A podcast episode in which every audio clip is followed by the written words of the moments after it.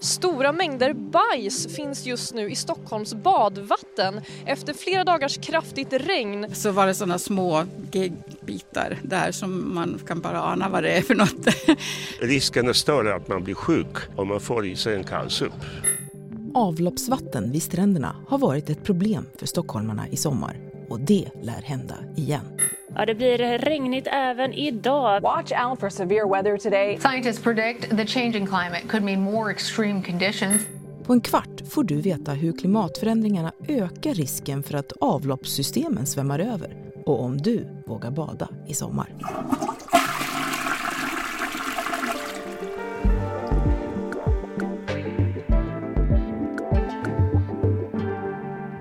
Det är tisdagen den 6 juli och jag heter Erika Dreis. Här är dagens story från Svenska Dagbladet.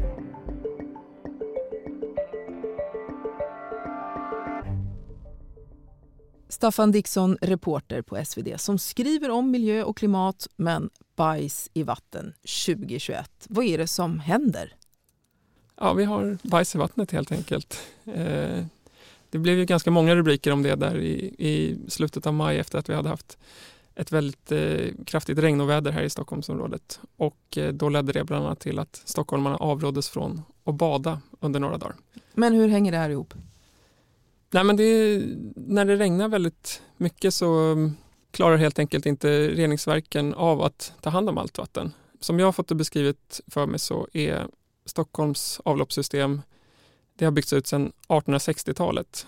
Men det är först eh, ungefär de senaste 50-60 åren så där, eh, som man har börjat leda regnvatten direkt ner i, i sjöar och, och andra vattendrag. Eh, så att på många håll så, så, hamnar det här regnvattnet fortfarande tillsammans med avloppsvattnet.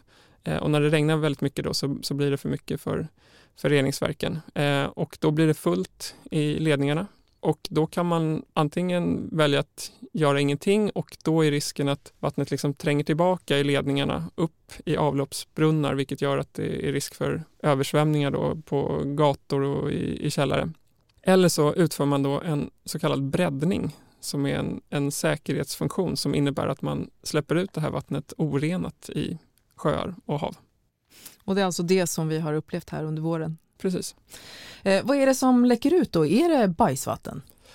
Ja, precis. Det är orenat avloppsvatten och där finns det ju bland annat bajs. Då. Skorna.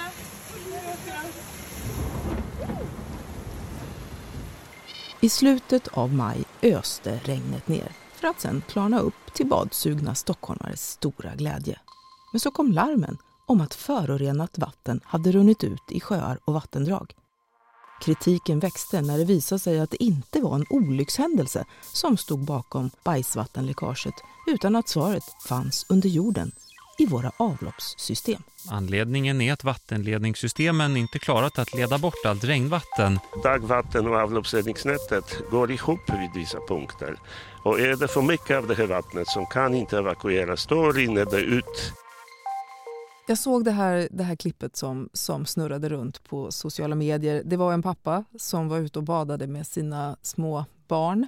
Eh, och han sa att han, eh, han tyckte att han kunde unna sig ett bad trots att det då hade larmats om, om just såna här översvämningar och att det faktiskt var bajs i vattnet. Efter den regnigaste dagen på 20 år var det var i veckan så var väl här det minsta man kunde unna sig. Är det bara äckligt att bada eller, eller är det också farligt? Vad säger du? Ja, men framförallt är det väl äckligt skulle jag tro. Eller det är min personliga åsikt i alla fall. Och kanske, jag håller med dig. Ja, men som sagt det kan vara lite farligt också. Man kan bli magsjuk, ganska mm. kraftigt magsjuk vad jag förstår. Eh, men det här med kraftiga skyfall det är ju knappast något nytt. Hur kan det komma sig då att våra avloppssystem inte klarar en eller ett par åskskurar som väl ändå hör sommaren till? En eller ett par åskskurar ska de ju klara av och det tror jag att de gör i många fall. Problemet i det här fallet var att det här regnet var något helt annat. Stockholm Vatten och Avfall ska dimensionera sina system för ett så kallat tioårsregn, alltså ett regn som statistiskt sett inträffar var tionde år. Men det här verkar ha varit betydligt värre än så. Ehm, jag pratade med en expert där som eh, har jobbat där sedan 2008 som aldrig hade varit med om något liknande. Har det med klimatförändringarna att göra? Ja, det kan det mycket väl ha. Vi ser nu att det är uppemot 50 grader i Kanada. Det slås värmerekord på värmerekord. Och det, det, går ju sällan att koppla en enskild extremhändelse av den typen till klimatförändringarna. Men det klimatforskarna ändå är överens om är att de kommer att bli vanligare. Vi kommer få mer nederbörd men vi kommer också få mer extrem nederbörd. Men, men innebär det här egentligen det du säger att svenska avloppssystem är underdimensionerade? Ja, det, det verkar så. Och det handlar ju dels om att vi blir fler och fler invånare men också att det regnar mer och mer eh, och kommer att fortsätta regna mer och mer. At least nine people died earlier this week after a recent outbreak of thunderstorms and tornadoes across the country. It has been extremely hot, temperatures very challenging. Klimatförändringarna driver fram ett osäkrare väder, något som klimatforskare har varnat för i decennier. Även om medelnederbörden inte statistiskt alltid ökar så drabbas allt fler platser i världen av häftiga regn med efterföljande torka. Extremvädret får konsekvenser för avloppssystemen som föredrar flera dagar med stilla sommarregn framför några enskilda skyfall. Det pågår projekt nu på, inom Stockholm Vatten och avfall eh, för att ta höjd för klimatförändringarna och att vi blir fler personer. Så att man håller på att bygga ut Henriksdals reningsverk som redan nu är Sveriges största. Och man ska både då förbättra kapaciteten och själva reningsprocessen. Mm kanske några åtgärder som kommer att hjälpa till i alla fall. Eh, jag skulle vilja att vi pratar lite om Östersjön som ju är världens mest förorenade innanhav. Hur påverkar det här som vi talar om nu med, med avloppssystem som inte kan hantera de kraftiga regnen och så? Ja, men ganska rejält. Eh, läget för Östersjön är inte alls bra. Eh, det är ett ganska förorenat hav även i en global jämförelse. Eh, och en stor anledning till det är de här näringsämnena som bland annat släpps ut eh, genom avlopp eh, men även via jordbruket. På senare år så har visserligen då tillförseln av sådana här näringsämnen i Östersjön minskat något. Men problemet är de här gamla utsläppen från 70, 80 och 90-talet som på grund av det här lilla vattenutbytet stannar kvar i Östersjön och fortsätter bidra till övergödningen där. Och det är lite som klimatproblemet. Alltså även om koldioxidutsläppen minskar så tar det tid innan man ser en tydlig effekt eftersom atmosfären innehåller så mycket koldioxid som vi redan har släppt ut. Mm. Och det är samma med, med de här näringsämnena. Mm. Som betala för gamla synder. Gamla synder, exakt. Det är en sak ju med enskilda larm om avloppsvatten som har läckt ut. Men hur påverkar allt det här orenade avloppsvattnet våra vattendrag på längre sikt? Ja, men då får jag återkomma till det här med övergödningen. Då.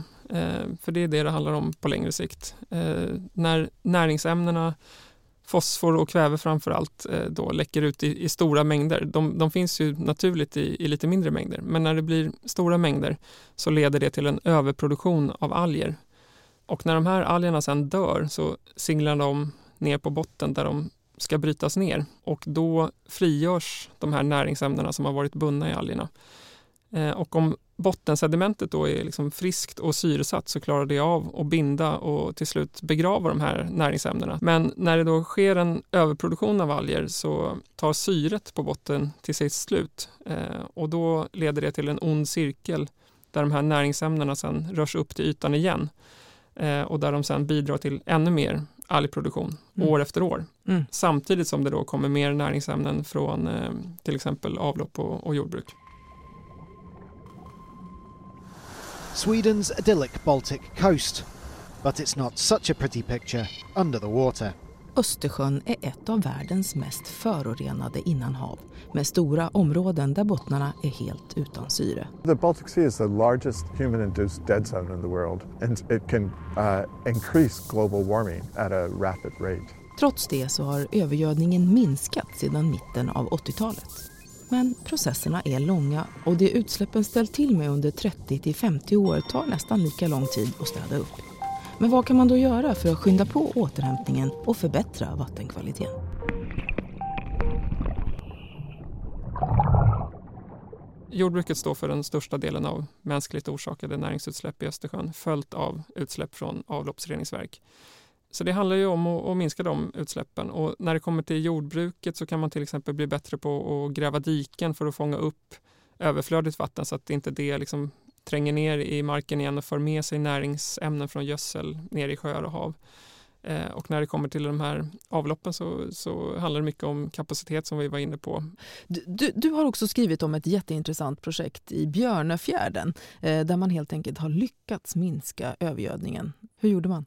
Ja, precis. Eh, 2011 så startade man ett projekt som heter Levande kust på Ingarö utanför Stockholm. Anledningen till att Anledningen till att forskarna valde just Björnefjärden var för att de tycker att det, det var som ett Östersjön i miniatyr. Det var en eh, kraftigt övergödd havsvik och dessutom så hade den här viken eh, till stor del helt syrefria bottnar vilket innebar att eh, delar av viken var livlösa. Så där eh, skred man till verket och utförde flera av de här åtgärderna som jag pratade om tidigare.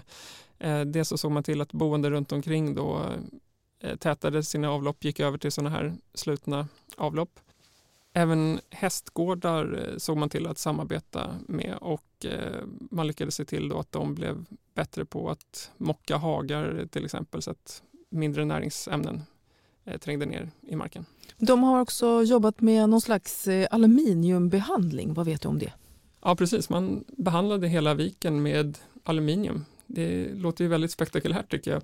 Men det, det man gjorde var att tillsätta aluminium eh, för att kunna binda fosforn i vattnet. Och vad fick man för resultat? Väldigt goda resultat. Efter den här behandlingen så återfick viken samma vattenkvalitet som på 50-talet. Wow. Kan man använda den här metoden på andra delar av Östersjön? Vi pratade om det där, eh, forskarna och jag, och att använda den här metoden på hela Östersjön, det är uteslutet. Det, det är helt omöjligt helt enkelt. Men däremot så kan man ju hitta många andra sådana här havsvikar där man såklart kan utföra precis samma åtgärder. Och jag vet att sådana här aluminiumbehandling även har gjorts i Brunnsviken i Stockholm med eh, goda resultat. Mm. Östersjön gör vad den kan för att glittra och locka oss. Men kommer du att tordas bada på svenska badplatser i sommar? Absolut. Man får bara försöka tänka på något annat än de här bajsrubrikerna. Så du tar med ditt barn till stranden då i alla fall? Ja, precis. Eh, han får bada med en eh, flytväst på sig så hoppas jag bara att han klarar av att hålla munnen över ytan. Tack, Staffan Dixon. Tack.